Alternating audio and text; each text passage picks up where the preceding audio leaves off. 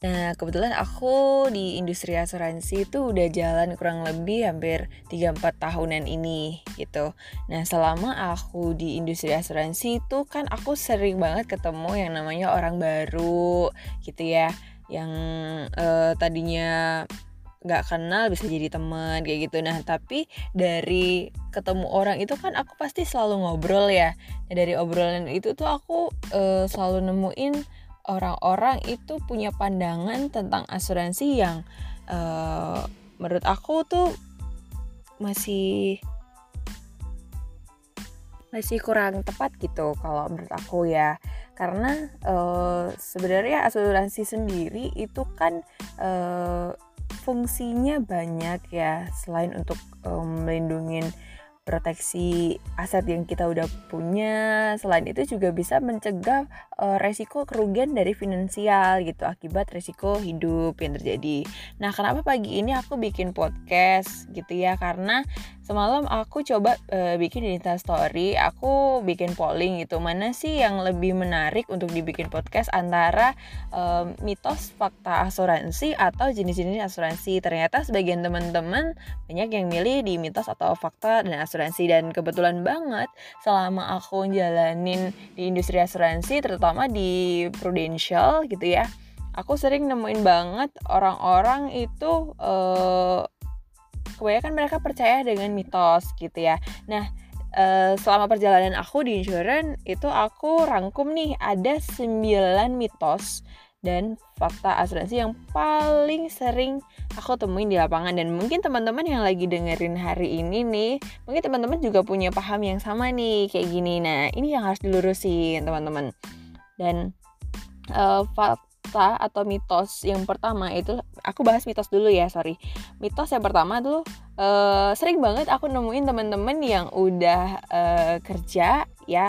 Mungkin antara udah kerja istilahnya apa ya kalau aku bilang uh, kayak mungkin kantornya kasih benefit dia yang udah cukup gitu. Jadi teman-teman ketika ditawarin sama agen asuransi tentang insurance, tentang proteksi income atau proteksi kesehatan, teman-teman selalu bilang gini, asuransi di kantor saya cukup kok gitu.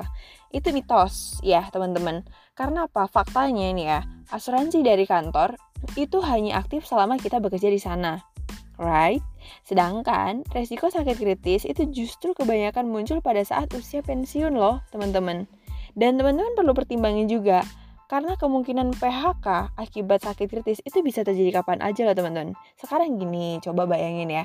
Ketika teman-teman punya perusahaan, teman-teman punya karyawan yang dia kerja banyak absen karena sakit kritis. Contoh, kena stroke gitu kan nggak mungkin dong orang stroke bisa kerja uh, aktif kayak orang normal lagi otomatis kan pasti banyak istirahatnya banyak untuk kontrolnya nah otomatis si pemilik perusahaan tadi itu merasa juga kan dari segi produktivitas pekerja pasti akan berkurang juga dong. Nah otomatis jalan satu-satunya adalah dia juga nggak mau dong bisnisnya terganggu karena kan dia juga pengen dapat profit kan. Nah otomatis ya mau nggak mau pasti akan akan ada PHK sepihak nih akibat sakit kritis. Sedangkan e, pada saat PHK biasanya itu kan akan ada uang pisah. Ya nggak sih uang pesangon lah istilahnya kayak gitu. Nah e, e, dan kan nggak mungkin ya gantung terus sama kantor karena udah PHK otomatis kan kantor udah nggak ada kewajiban lagi dong ngasih insentif bulanan gaji salary dan lain-lain sebagainya kayak gitu dan perlu diingat teman-teman premi atau kalau istilahnya ya polis insurance itu akan meningkat seiring dengan usia. Jadi lebih cepat teman-teman punya asuransi itu lebih baik gitu. Coba deh cek limit asuransi dari kantornya teman-teman. Nah, coba-coba dicek. Jangan-jangan ya kalau misalnya nanti klaim nomboknya bakal banyak nih. Nah, itu itu uh, mitos dan fakta nomor satu. Oke, lanjut ya. Yang kedua, aku sering banget nemuin teman-teman tuh uh, di lapangan itu yang dia berprinsip gini klaim asuransi itu susah ribet udahlah gue nggak mau gitu. Aku udah pakai uh, bayar sendiri aja kayak gitu. Itu lebih uh, lebih istilahnya apa ya agak ribet lah gak pusing lah kayak gitu. Ada teman-teman yang berprinsip seperti itu. Nah padahal faktanya klaim asuransi ya khususnya untuk di uh, perusahaan saya uh, di Prudential itu saat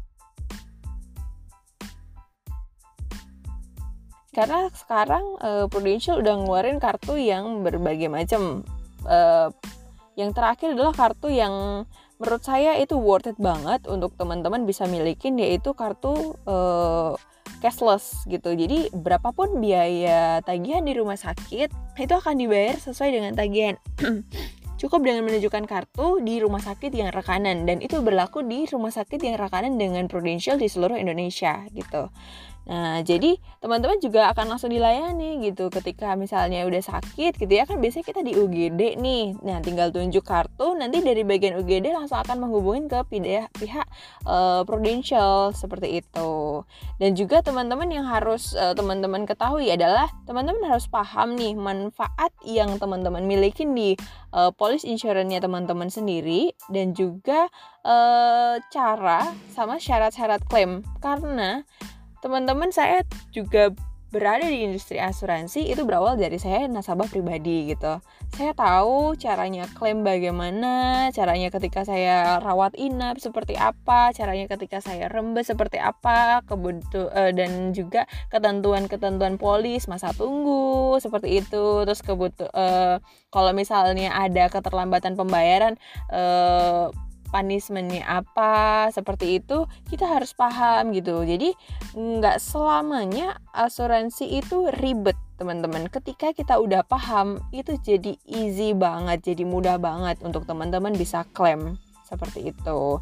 Dan juga teman-teman yang udah punya polis yang saat ini lagi dengerin nih ya meskipun teman-teman bukan nasabah saya ataupun nasabah saya sendiri malahan uh, baca polis itu wajib banget. Kalau ketika teman-teman lagi ada waktu senggang pahami gitu. Kalau misalnya teman-teman nggak tahu teman-teman boleh tanya saya bisa DM atau uh, via WA boleh atau mungkin malah telepon saya langsung juga nggak apa-apa gitu ya. Itu mitos dan fakta yang kedua. Nah yang ketiga Nah, ini nih yang paling sering aku temui nih untuk teman-teman yang masih muda, belum ada tanggungan kayak gitu.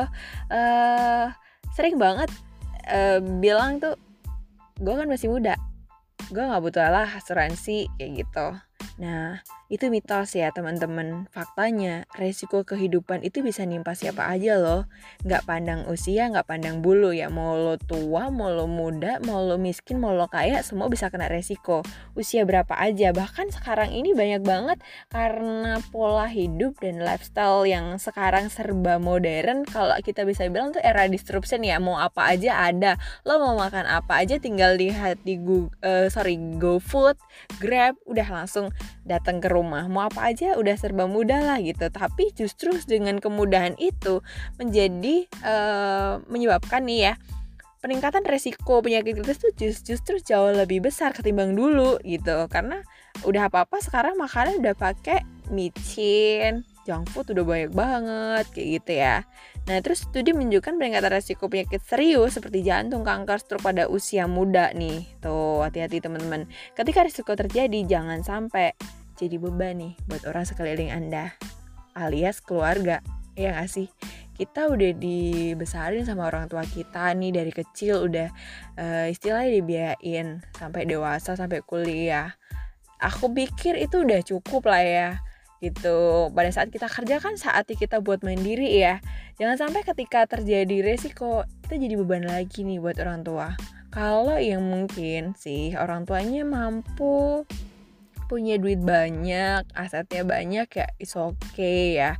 Tapi ketika orang tua lo ya pas-pasan gitu ya terus masih juga ada keluarga yang harus dibiayain ditambah lagi ketika terjadi risiko sakit dengan diri lo sendiri lo jadiin beban buat mereka. Sedih nggak sih? Saya nggak sih gitu. Masa muda lo ke mana aja gitu. Menurut gue worth it banget untuk usia-usia masih muda itu kita bikin polis. Satu keuntungannya adalah ketika kita masih sehat kita masih produktif itu dan kita masih muda ya. Ini terutama teman-teman yang masih muda itu premi asuransi sangat murah, sangat-sangat murah gitu. Dibanding teman-teman bikinnya nanti nih pada saat udah tua atau teman-teman pada saat udah berkeluarga nih ya kan. Pasti jauh pengeluaran kan lebih banyak. Ketika sekarang kan teman-teman masih belum banyak nih pengeluaran. Nah itu justru teman-teman bagus banget buat investasi di insurance gitu. Nah uh, jadi kalau aku bilang ya uh, di insurance ketika kita buka polis sedini mungkin di usia kita masih muda teman-teman akan lebih cuan nantinya tuh itu fakta dan mitos yang ketiga oke okay.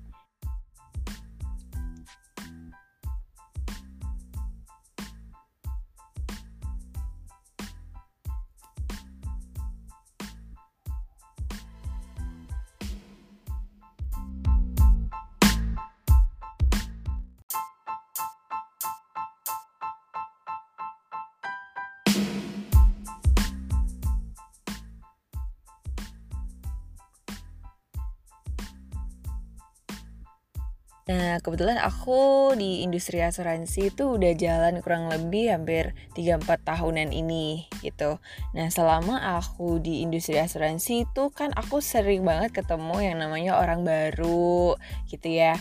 Yang uh, tadinya nggak kenal bisa jadi teman kayak gitu nah tapi dari ketemu orang itu kan aku pasti selalu ngobrol ya nah, dari obrolan itu tuh aku uh, selalu nemuin orang-orang itu punya pandangan tentang asuransi yang uh, menurut aku tuh masih masih kurang tepat gitu kalau menurut aku ya. Karena uh, sebenarnya asuransi sendiri itu kan uh, fungsinya banyak ya selain untuk um, melindungi proteksi aset yang kita udah punya. Selain itu juga bisa mencegah uh, resiko kerugian dari finansial gitu akibat resiko hidup yang terjadi. Nah, kenapa pagi ini aku bikin podcast gitu ya? Karena semalam aku coba uh, bikin di Insta Story, aku bikin polling gitu. Mana sih yang lebih menarik untuk dibikin podcast antara uh, mitos fakta asuransi atau jenis-jenis asuransi? Ternyata sebagian teman-teman banyak yang milih di mitos atau fakta dan asuransi dan kebetulan banget selama aku jalanin di industri asuransi terutama di Prudential gitu ya.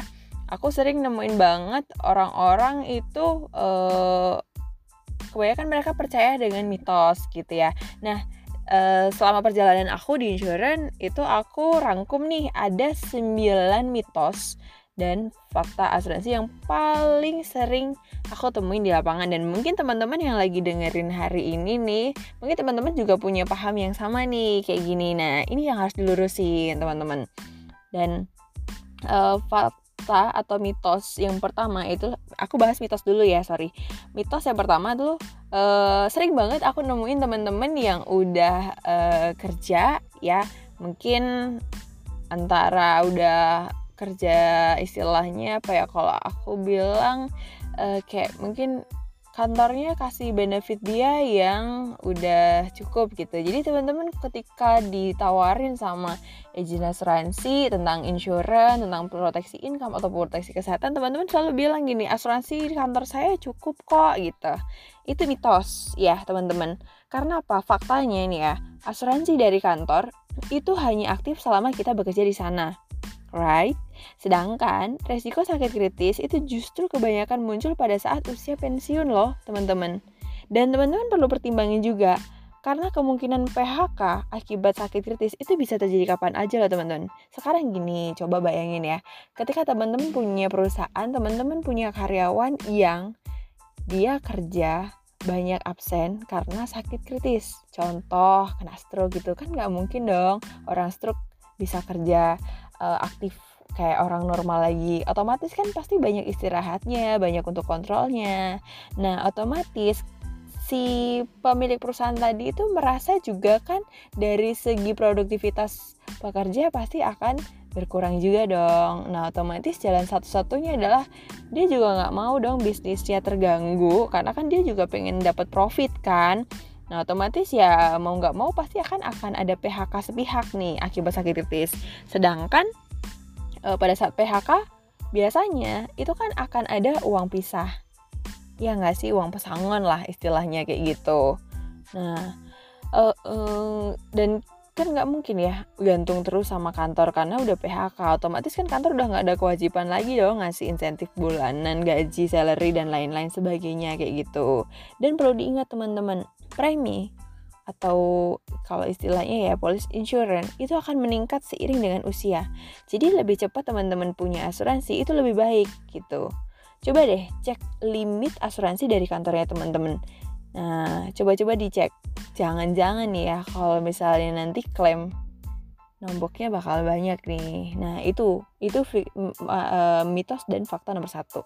Oke, lanjut ya. Yang kedua, aku sering banget nemuin teman-teman tuh uh, di lapangan itu yang dia berprinsip gini, klaim asuransi itu susah ribet, udahlah gue nggak mau gitu. Aku udah pakai uh, bayar sendiri aja kayak gitu. Itu lebih uh, lebih istilahnya apa ya agak ribet lah gak pusing lah kayak gitu.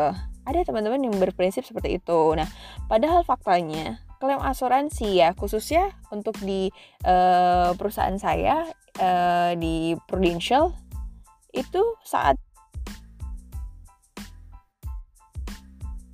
karena sekarang uh, Prudential udah ngeluarin kartu yang berbagai macam uh, yang terakhir adalah kartu yang menurut saya itu worth it banget untuk teman-teman bisa milikin yaitu kartu uh, cashless gitu. Jadi berapapun biaya tagihan di rumah sakit itu akan dibayar sesuai dengan tagihan.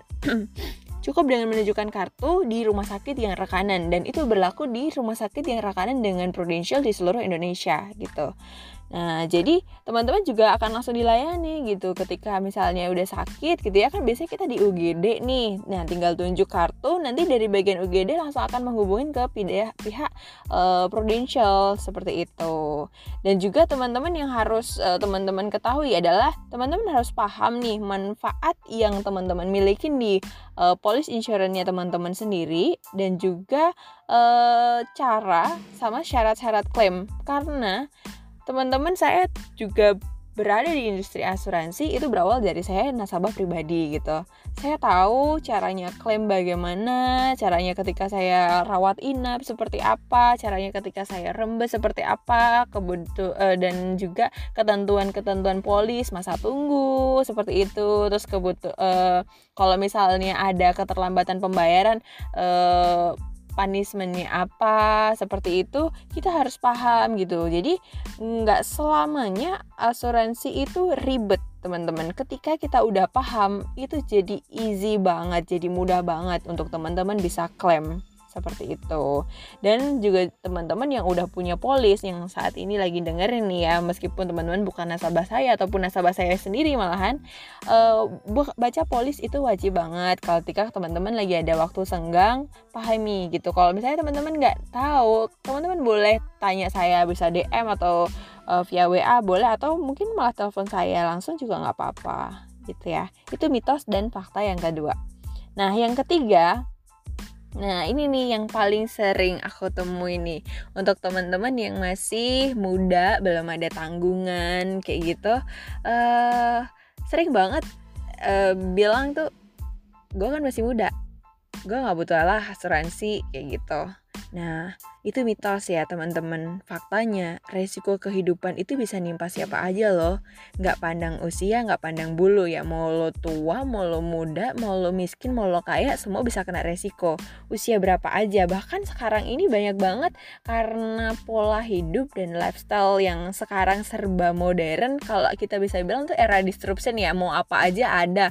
Lo mau makan apa aja tinggal lihat di Google, uh, sorry, GoFood, Grab, udah langsung datang ke rumah mau apa aja udah serba mudah lah gitu tapi justru dengan kemudahan itu menjadi uh, menyebabkan nih ya peningkatan resiko penyakit kritis tuh justru jauh lebih besar ketimbang dulu gitu karena udah apa apa sekarang makanan udah pakai micin junk food udah banyak banget kayak gitu ya Nah, terus studi menunjukkan peningkatan resiko penyakit serius seperti jantung, kanker, stroke pada usia muda nih. Tuh, hati-hati teman-teman. Ketika risiko terjadi, jangan sampai jadi beban nih buat orang sekeliling Anda alias keluarga.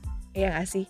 kita udah dibesarin sama orang tua kita nih dari kecil udah uh, istilahnya dibiayain sampai dewasa sampai kuliah aku pikir itu udah cukup lah ya gitu pada saat kita kerja kan saatnya kita buat mandiri ya jangan sampai ketika terjadi resiko kita jadi beban lagi nih buat orang tua kalau yang mungkin sih orang tuanya mampu punya duit banyak, asetnya banyak ya is okay ya. Tapi ketika orang tua lo ya pas-pasan gitu ya, terus masih juga ada keluarga yang harus dibiayain, ditambah lagi ketika terjadi risiko sakit dengan diri lo sendiri, lo jadiin beban buat mereka. Sedih gak sih? Saya gak sih gitu? Masa muda lo ke mana aja gitu? Menurut gue worth it banget untuk usia-usia masih muda itu kita bikin polis. Satu keuntungannya adalah ketika kita masih sehat kita masih produktif itu dan kita masih muda ya ini terutama teman-teman yang masih muda itu premi asuransi sangat murah, sangat-sangat murah gitu. Dibanding teman-teman bikinnya nanti nih pada saat udah tua atau teman-teman pada saat udah berkeluarga nih ya kan? Pasti jauh pengeluaran kan lebih banyak. Ketika sekarang kan teman-teman masih belum banyak nih pengeluaran. Nah itu justru teman-teman bagus banget buat investasi di insurance gitu. Nah uh, jadi kalau aku bilang ya uh, di insurance ketika kita buka polis sedini mungkin di usia kita masih muda teman-teman akan lebih cuan nantinya tuh itu fakta dan mitos yang ketiga oke okay.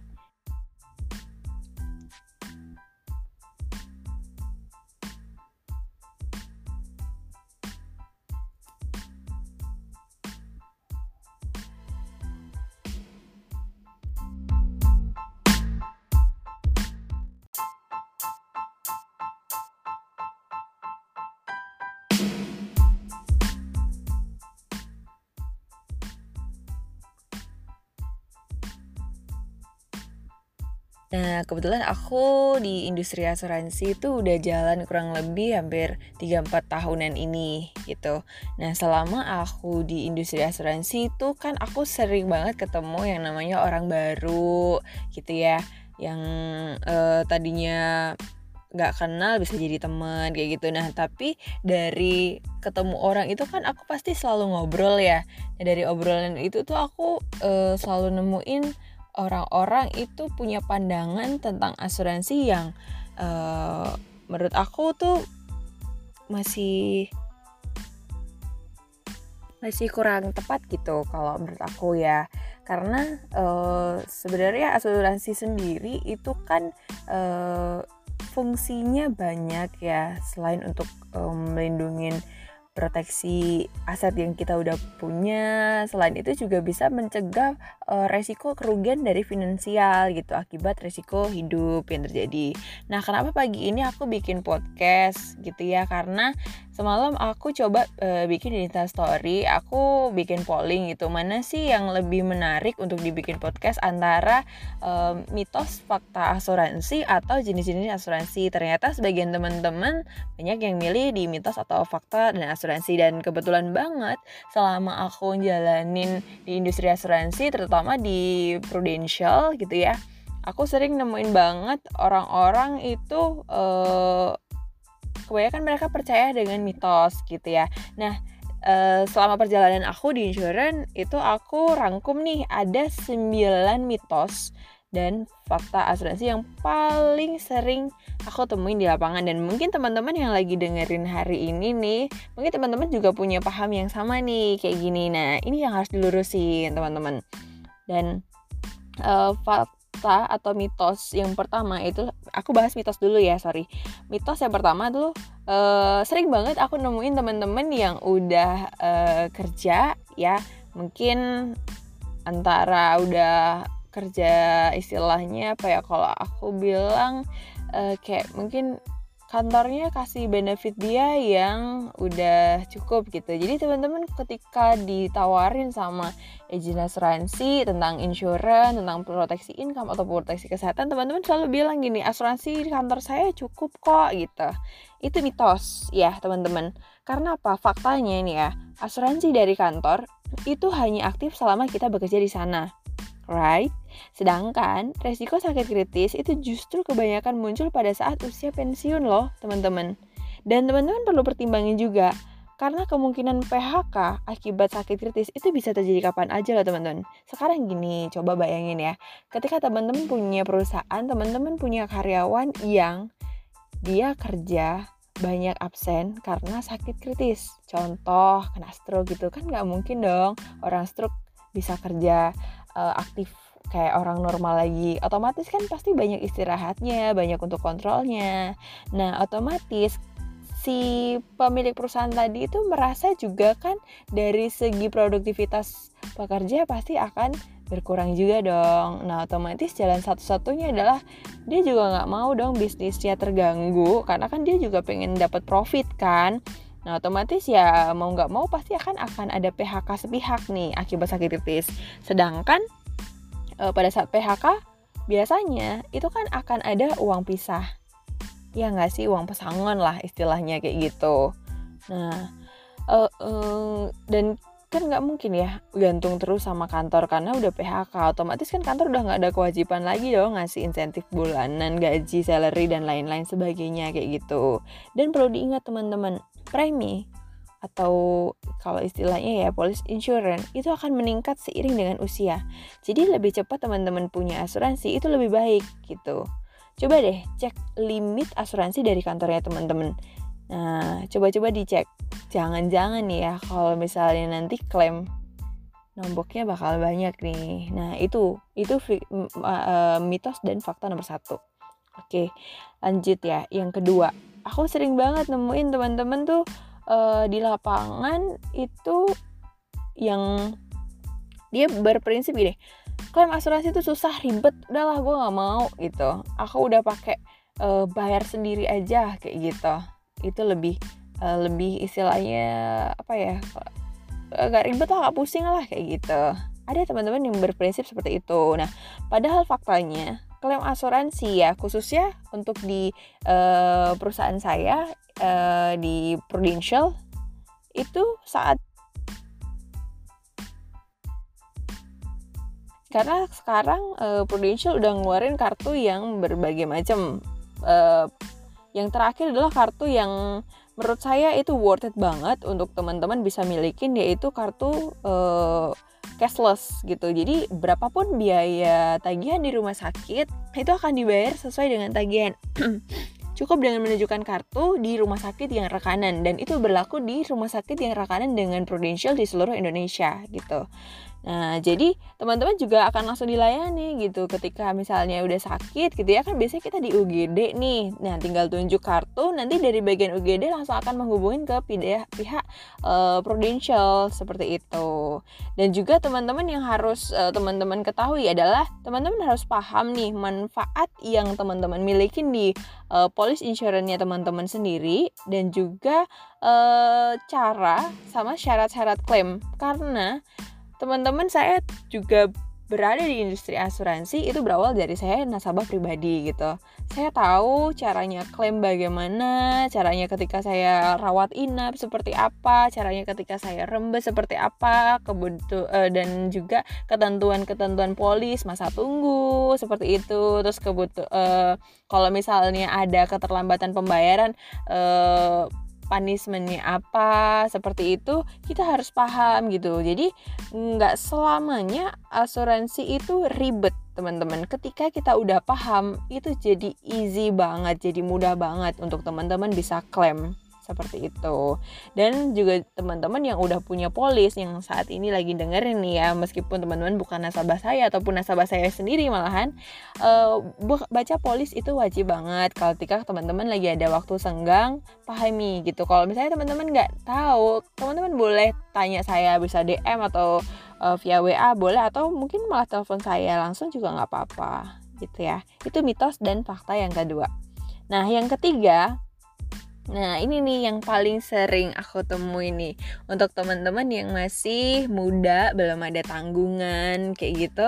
Uh, sering banget uh, bilang tuh, gue kan masih muda, gue nggak butuh lah asuransi kayak gitu.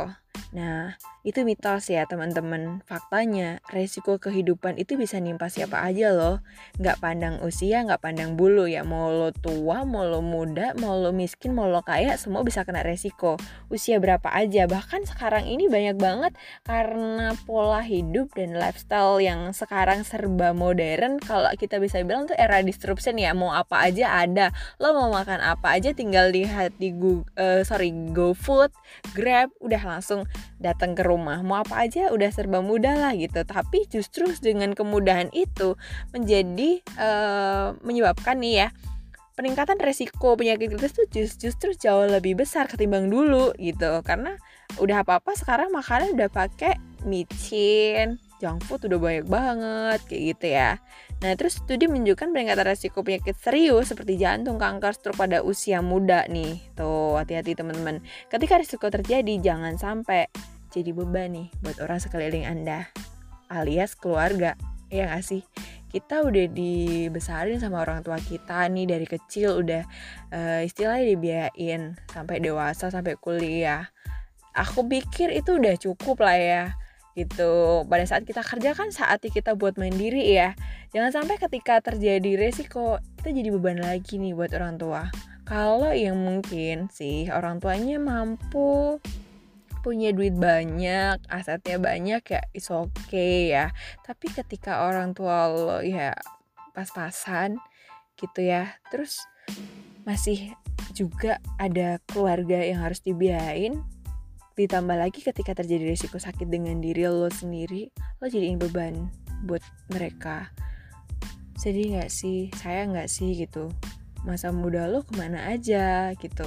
Menurut gue worth it banget untuk usia-usia masih muda itu kita bikin polis satu keuntungannya adalah ketika kita masih sehat, kita masih produktif itu dan kita masih muda ya, nih terutama teman-teman masih muda itu premi asuransi sangat murah, sangat-sangat murah gitu. Dibanding teman-teman bikinnya nanti nih pada saat udah tua atau teman-teman pada saat udah berkeluarga nih ya kan. Pasti jauh pengeluaran kan lebih banyak. Ketika sekarang kan teman-teman masih belum banyak nih pengeluaran. Nah itu justru teman-teman bagus banget buat investasi di insurance gitu.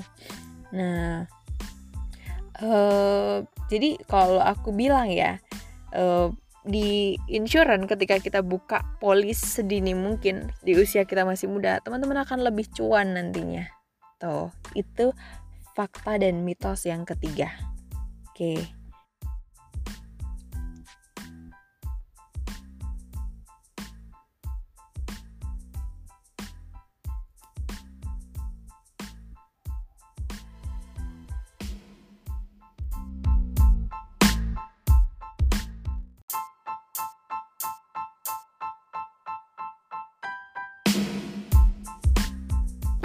Oke, yang keempat, mitos keempat nih ya.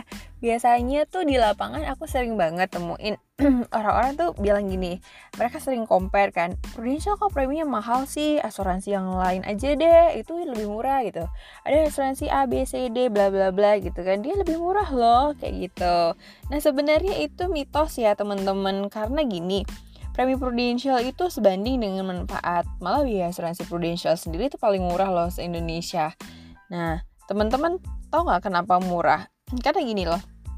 Uh, contoh misalnya gini lebih murah mana 10 ribu dapat 10 pieces daripada dengan yang 20 ribu dapat 50 pieces ini jangan tergiur sama murahnya aja. Gitu karena kebanyakan uh, yang saya temuin di lapangan memang sih uh, ada beberapa orang yang udah ikut asuransi gitu ya. Premium murah sekitar misalnya kayak contoh 300 ribu gitu ya. Tapi benefitnya setelah dibedah setelah saya baca polisnya nggak sesuai dengan kebutuhan mereka gitu. Contoh halnya seperti ini ada seorang pedagang gitu ya dia punya pinjaman KPR atau mungkin pinjaman modal usaha sebesar 300 juta gitu ya. Nah di polis dia itu uang pertanggungan yang dia terima hanya misalnya katakanlah 100 juta. Nah ketika terjadi resiko hidup Misalnya ya, mohon maaf nih, jauhkan bala ya. Terjadi resiko hidup seperti hal sakit kritis. Dengan kompensasi uang pertanggungan 100 juta, otomatis itu tidak akan bisa menutup sisa piutang si uh, nasabah itu tadi ya nggak sih? Sedangkan ketika sakit kritis kan orang kalau misalnya usaha ya kalau misalnya usahanya bisa diterusin. Kalau nggak bisa diterusin kan otomatis tutup toko ya. Nah sedangkan biaya hidup kan tetap terus jalan. Jadi otomatis itu kan nggak bisa mengcover. Jadi mahal dan tidaknya biaya asuransi itu sebenarnya sesuai kebutuhan sih gitu. Selama teman-teman kebutuhannya tuh pas saya rasa itu nggak mahal gitu. Bahkan ya itu jauh akan lebih murah uh, pada saat terjadi resiko ketimbang teman-teman harus mengeluarkan uh, cost atau biaya yang jauh lebih besar nantinya dengan uh, jual aset ataupun menguras habis tabungan teman-teman kayak gitu. Jadi sebenarnya premi asuransi murah atau mahalnya itu disesuaikan dengan kebutuhan masing-masing sih. Dan juga yang tadi saya bilang nih, e, kalau masih muda, mumpung masih produktif, itu cepat-cepat deh teman-teman bikin asuransi gitu nggak akan nyesel.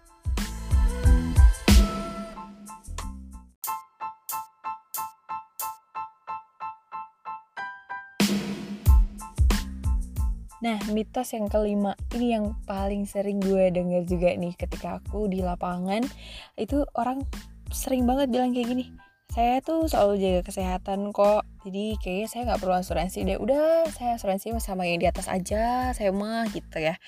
Uh, pada dasarnya ya memang ya kita manusia makhluk Tuhan itu kan kita memang uh, ini ya istilahnya menggantungkan semua harapan kita sama yang di atas termasuk juga kesehatan gitu ya. Tapi kita jangan sampai lupa loh bahwa kita kan manusia kita disuruh ikhtiar kan kita disuruh berusaha. Salah satunya dengan um, membuka asuransi itu salah satu bentuk usaha juga loh uh, atau ikhtiar kita loh. Karena gini nggak ada manusia yang nggak luput dari sakit hari ini aja. Kita nggak tahu nih kita bakalan sehat kita bakalan sakit atau enggak Nah, misalnya nih besok digigit nyamuk Aedes aegypti ya, bisa aja kan kena DBD. Meskipun kita udah bersihnya yang oh udah full-fullan lah istilahnya bersih banget jaga kesehatan apa segala macam di jalan pas lewat tiba-tiba ada nyamuk aja nyentuh kita dikit eh besoknya kena DBD bisa aja loh gitu loh. Karena menurut riset ya rata-rata orang itu akan melewati fase sakit sebelum meninggal Teman-teman pernah ngamatin nggak kalau di rumah sakit tuh setiap hari pernah nggak ada ruangan kosong tuh istilahnya kayak UGD tuh pernah nggak sepi? Pasti kan ada aja kan orang yang masuk situ. Berarti kan uh, setiap dari kita itu kan berpotensi untuk sakit gitu loh. Nah, uh, ketika sakit itu tadi berarti kan kita harus nyiapin yang namanya kos biaya ya kan nah jadi uh, planning itu penting banget sih sebelum terlambat teman-teman. Ketika kita udah planning kita udah ikhtiar ya kalau misalnya kita sehat terus ya alhamdulillah berarti Tuhan memang mengendaki kita untuk sehat gitu. Toh dari premi insurance tadi itu kan nantinya akan ada cashback juga yang teman-teman juga bisa nikmatin. Yang aku bilang di awal tadi itu kalau kita ikutnya semakin mudah itu kita akan semakin cuan kayak gitu kan. Nah jadi uh, sedia payung sebelum hujan lebih bagus lah daripada cari payung pada saat hujan nggak ada. Nah siapa yang mau nolongin?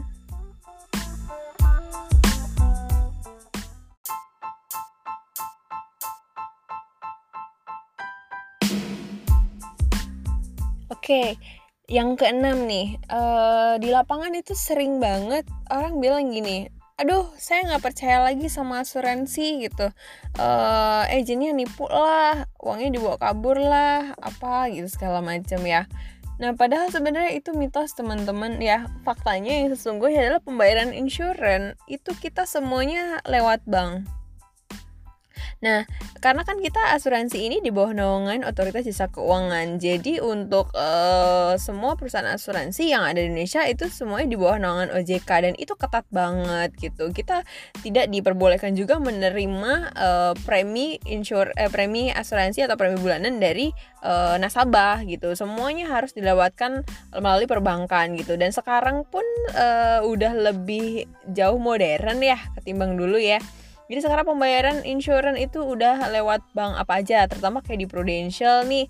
Uh, Prudential bisa melalui lewat bank BCA Mandiri, kemudian bank BNI, uh, eh, terus juga bisa lewat uh, Tokopedia, lewat Indomaret juga bisa sekarang ini. Nah, jadi udah udah lebih jauh lebih mudah ya gitu. Jadi eh, nggak uh, ada alasan lagi untuk teman-teman nggak buka insurance gitu karena pembayaran juga udah lewat bank dan juga teman-teman untuk melihat cek saldo sendiri Prudential sendiri punya aplikasi untuk nasabah ya. Itu uh, namanya Pro Access. Itu bisa diakses melalui download di Play Store atau App Store gitu. Dan teman-teman bisa lihat uh, harga saham hari ini berapa ketika teman-teman misalnya udah tahu nih tentang saham. Teman-teman mau switching hari itu juga juga is oke okay, nggak masalah gitu. Jadi udah lebih leluasa gitu. Jadi uh, jangan menunda hanya karena alasan satu ini ya teman-teman untuk buka polis asuransi. Karena pembayaran premi asuransi semuanya lewat perbankan.